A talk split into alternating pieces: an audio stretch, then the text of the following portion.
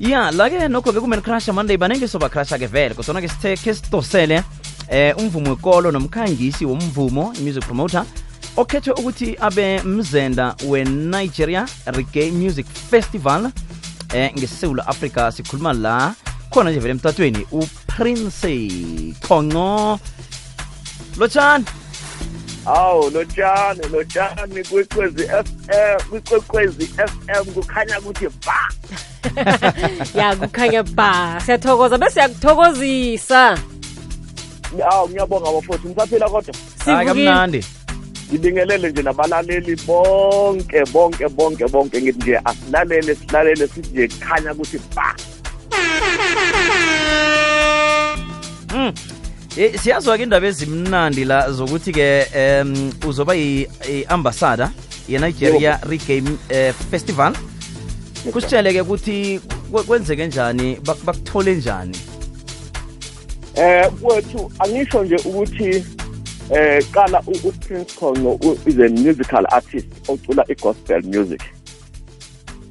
Eh njengoba ngicula i-gospel music kwadla ukuthi ke ngiya associate nabantu abaningi eh nokuthi ke i-background yami vele nje umculo nje ukuthanda kwami ukuthande ngakulalela olakhi dube eh kwakusakhona kuqala olokhuzana babebizwa ngani? Eh ngicabanga ukuthi splash into enjalo. So amarasta nje akade edumile ngaleso sikhathi South Africa. So ngithe uma sengena emculweni-ke um ngaba nenhlanhla ukuthi ngisondela nabantu vele abayithanda i-reggae ngasondelana nomunye umhlobo wami wase ngixhumanisa negenge yangale eNigeria base bethi ayi ndoda uthando nalo emculweni sithanda ukuthi sikhethe ukuthi ube yi-ambassador eh yethu eNigeria. Ngini lapha eNigeria kunomcimbi omkhulu obizwa nge-Nigerian eh, Reggae eh, Festival oba selagos so ngaleyo ndlela ke base befisa ukuthi ngisebenzisane nabo. So lokho ke kuchaza ukuthi sekusinika ithuba njenge South Africa ukuthi bethu ama-artist ala acula i-reggae sikwazi ukuyanika exposure ngale.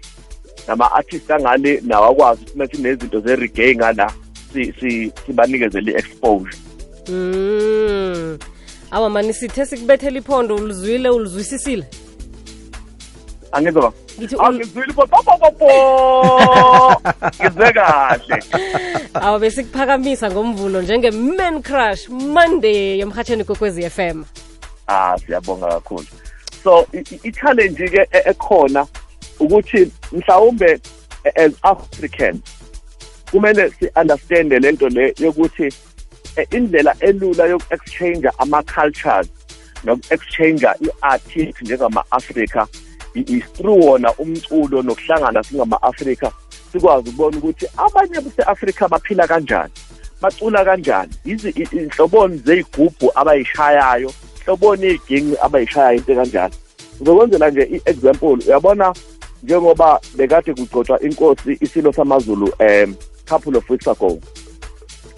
So u- uma ngalumhlolo ukuthi uma ufika laphayana kukhona abantu abantu abaqhamuka ebukhosini bako-nigeria ebukhosini bako-ghana kanjalo kanjalo. So it shows ukuthi as africans siyadinga ukuthi kube khona izinto ezohlezi zenza i-social cohesion.